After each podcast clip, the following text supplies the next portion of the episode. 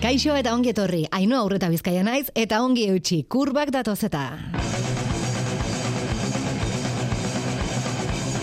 Laro gaita maikako martxoan kokatzen gaitu gitarra harrif eta batez ere bateriaren bombo bikoitzonek. Baberez, urte batzuk lehenago erraldu zituzten haziak bai kontzertu historiko eta bai maketa moduan, baina duela hogeita marrurte gertatu zen, zutagarren jaiotze basatia.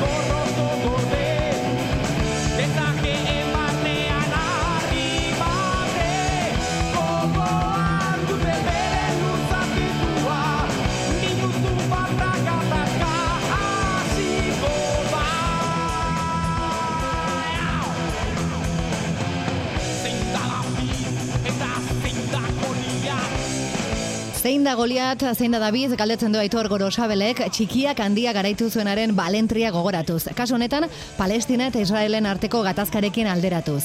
Ba, beraiek orduan ez zuten jakin, baina gaur hitz egingo dugun diskoa bada izan, David txiki bat, ondoren etorreko zen Goliat bati ez dakit garaitu, baina bai bere lekuan jarri ziona behintzat. Zergatik diodan hori, ba garaia hartako panorama musikala, gure herri txiki honetan behintzat, astintzera etorri zelako sutagar. Larogeiko amarka da maiera zen, Xabi Bastida, Aitor Gorosabe, Lasier Osoro eta Borxa Rillaga elkartu eta euren lagun batzuen lokalean elkarrekin jotzeko geratzen zirela. Hori guztia eibarren eta amazazpi emezortzi urte zituztela. Orduan ez zuten jakingo noski, baina denborak ematen duen distantziatik heavy metalaren mugarri izan zen disko bat egitera zijoa zen. Baina horren aurretik, askoren memorian giltzatuta geratu den lehen kontzertua eman zuten. Horrela gogoratu da Aitor Gorosabel, ahots eta gitar joleak ondarrun mila bederatzeron eta larogeita zortziko abuztuaren amalauan gertatutakoa.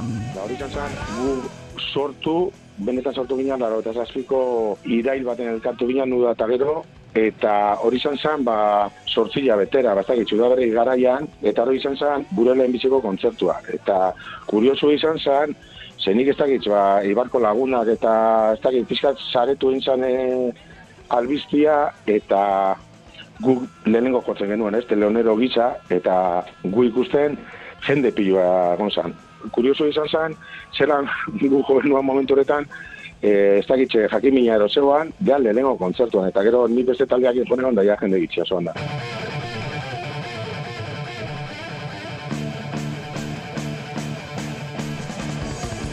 Eta hurrengo kontzertuak emateko hilabete batzuk pasa ziren arren, ahoz ahokoak bikain funtzionatu zuen euren alde. Eta hamarkada aldaketarekin batera, estanda etorri zen, estanda bapatekoa.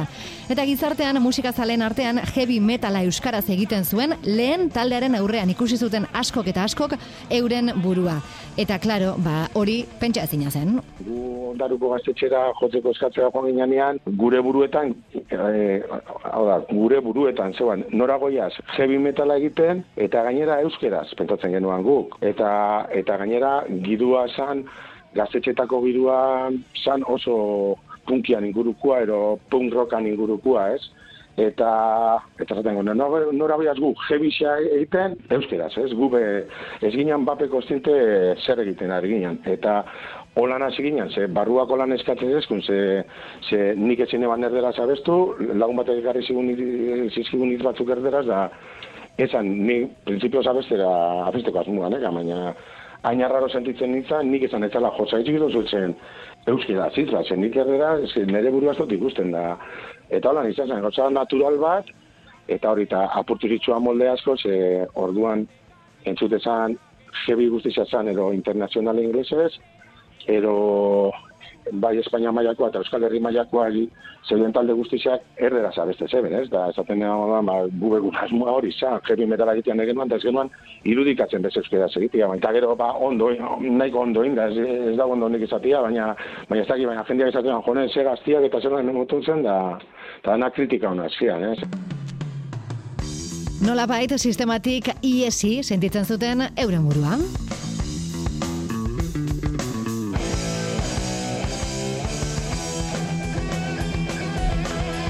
Eta lehen kontzertu haien bultzadak lagunduta jendea hor zuten zain eta oraindik ere nahiko underground zen garai hartan Mikel Auaren omenezko disko batean grabatzeko gonbidapena jaso zuten. Aika mutil, jeikia di, argia de, miradi.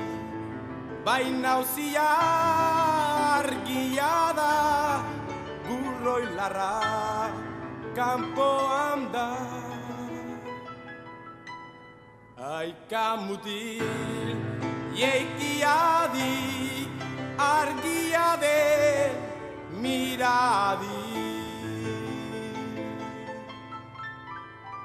Aika mutil, euren lehen diskoa, baina urtebete lehenago, laro marrean orduan, emeak taldean zebilen Xavier Montoiak, Mikel Aboaren ordu arteko ondaria disko batean bildu nahi izan zuen. Eta horretarako, talde ezagun eta ez hain ezagunetara jo zuen. Bigarren multzo horretan zegoen sutagar. Txeroki, Mikel Aboaren kantak izaneko diskoan besteak beste, tapia eta leturia, negu gorriak, bap eta delirun tremen zeuden. Baina eibarren metalaren alorrean zarata pixka bat eragiten, ari zen laukote gazte batetaz ere, gogoratu zen Montoya. Aitor Goro Sabel gazteak gainera, konservatorioan bera nahi arreben erentzia musikala jaso ondoren, pianoa jo zuen kantu honetan.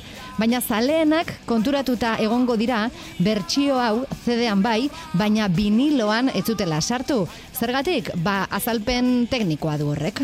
Esate zeben, em, iraupen egokiena berrogei minutuko erosala hortik aurrera jazir egituak e, gutxitzen zian ez, iztutzen zian ez, e, audio kalidadia gal- galdu ditezala. Eta orduan, orduan, ba, en, en genuan, esango nuen, bueno, ba, leperako ez dugu sartuko mutil, ze aika mutil gainera zan e, Txeroki diskakua, ez, e, Mikel Laboaren omenez egin dako diskakua, eta, bueno, sartu, sartu bai egitezan, baina guk erabaki genuen, ba, bueno, hobeto zela igual, e, kalidade, audio, eh, soni, soinu kalidadiara tan irabaztiaren bakantu bat gutxiago sartu, eta, bueno, eta holan zedian bat da holan zediari beste puntu bat enbute jako moda.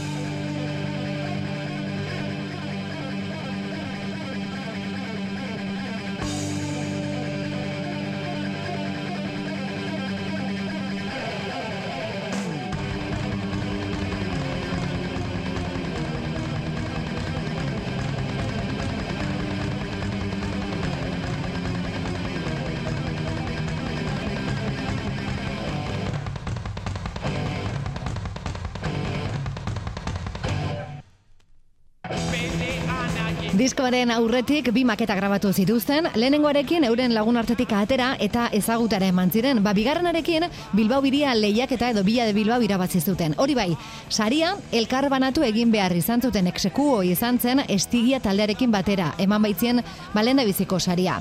Eta horrek grabazio estudio batean lehen diskoa grabatzeko aukera ematen bazien ere, Eibartarrek uko egin zioten horri. Eta euren kaxara atera zuten lehen biziko diskoa.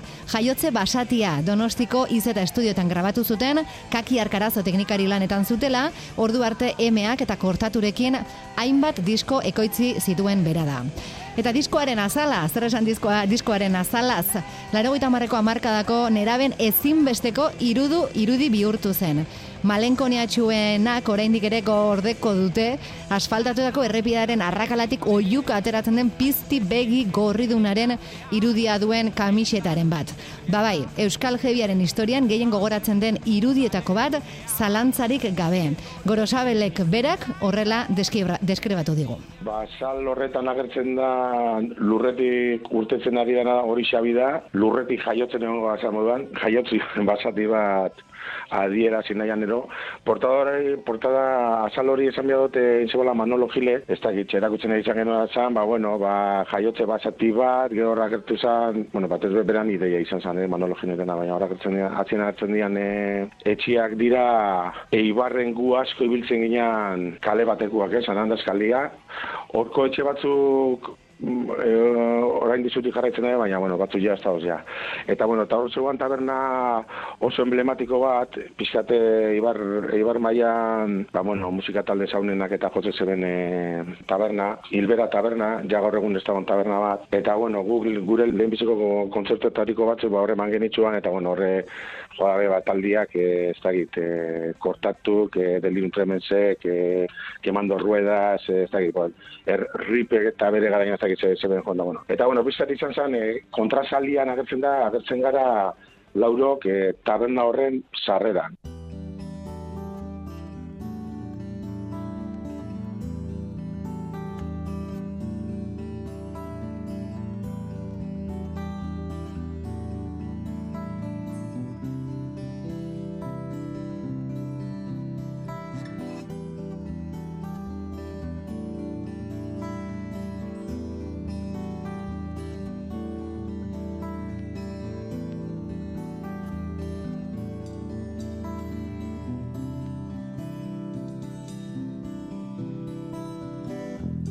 Amabi kantu sartu zituzten jaiotze basatia diskoan eta diskoari izen burua ematen dion kantu hau justu, ba instrumentala da.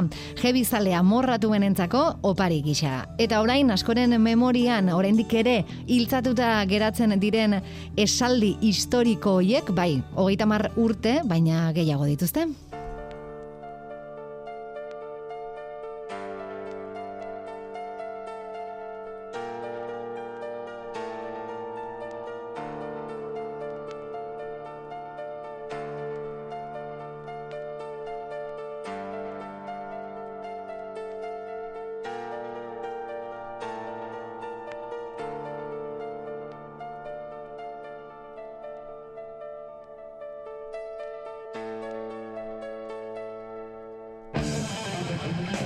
Intro ezagun ezaguna, ezinbesteko asutagarren bizitzan, baina ia ia existitu etzen abestia, entzun goro sabela. Marikin pasau jakun, diskoa grabatu horretik, ja, disko jaietze basatea grabatu horretik, maketatxo bat grabatu genuan, eta lehenengo maketa hura grabatu genuan ian, izan zen, e, eibarko talde baten lokalian, bari, ba, bide oso sumiekin, da euren bateriakin, da gure gauzak eraman da, eta, bueno, ala, ala moduz, ez dakizu, eta grabatu genitxuan bo zei kantu horiek, eta noski, orduan e, grabatetan e, e, kasetetan, e, eta gure masterra kasete bat zan, eta ba, amazortzi emeditzi urtekin, irudikatu lehikezu, ba, bu maketa horrekin, zer ingo genuan. Ba, lehenengo gauzia, ba, gu bitzen ginen tabernetara joan, da, eta jartzeko eskatu, ez? Eta horri ginen e, zapatu, gau, zapatu gau baten, mega taberna guztietan, bai, bai hilberan, bai bosten ondoko taberna, eta taberna guztietan. Eta bostera bueltatu ginen, bigarren aldiz maketa jartzeko eskatzera, eta jarri zeban, eta kantu erditzen jota gelditzu inzan, gelditzu inzan, eta eh, gu azarre, baina zein dozu, segaitxu kendu dozu, ez dakiz eta ez, nik ez dut kendu, ez dut kendu nik, eh, eta ez kendu, eta segaitxu kendu, eta azarre gu, eta izu, eta pun berri da zizan sonatzen, eta iba, bueno, ba, ez dakiz, ba, bertago aparatuan, zeu zer izango zan. Gero etxera joan ginen, da maketia borrota zeuan. Tanto dira, borrota zeuan, ze aurreko tabernakua nahi bari, eta itx, reuin emon biharrian, barrek emon zetzen, da, eta grabatu inzeban da, guak, izan depresinuakin, urren honean e, aiei berriro deikazu, e, Mercedes, kantu bate, borra dozkue taberna baten, ia berriro joan ginen grabatzea, eta han joan ginen. Domekan, pixkarre sakotzo, eta Mari, Mari, berriro katxarro guztiak eramatera eta Mari grabatzera.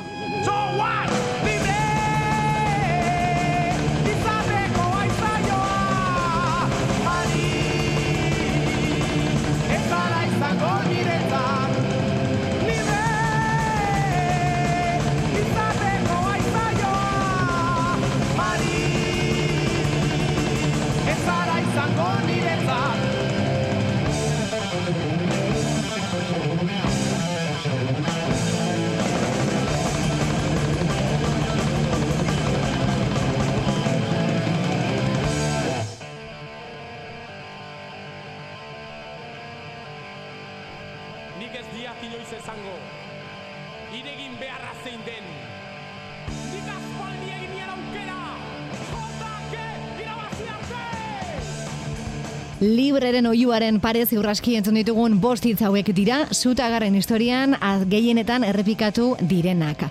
Eslogan borobila egin zuen zutagarrek duela hogeita mar urte baina gehiago. Izan ere, abesti hau taldeak egin zuen lehen abestietako bat izan zela, aitortu digu aitor gora zabalek. Orduan kanta sortzen ari ginen, eta karo, ja kanta jota gero berriro bultatzen ginean e, biri, biri, biri, biri, biri, biri, biri, hortara, ez dakit je, je, je, etxen, eta aina handize izan zen motivazioa eta emozioa, ba igual jotzen genuela, kanta, ez dakit, ba, amabos aldi jarraian, edo amabos, hogei aldiz jarraian, hankak bomboan gainean jarritxak, izan, ba, hori, hogei urte, amazortzi, emeretzi, hogei urteko nedabian o, gaztian emozioakin, eta hori, eta lantzian main bat lagunak eta tortze zian, e, entzaiek guzti eta egunaten ba, lagun bat etorri izan, da, eta ja, bosgarren aldiz esatzen, zu, mesedez, baina zer, baina, ezin duzu jo beste, kantu bat, eta guk ez getza papek atzulik etxe, eta guk guri, ja, izten emozioakin, bai.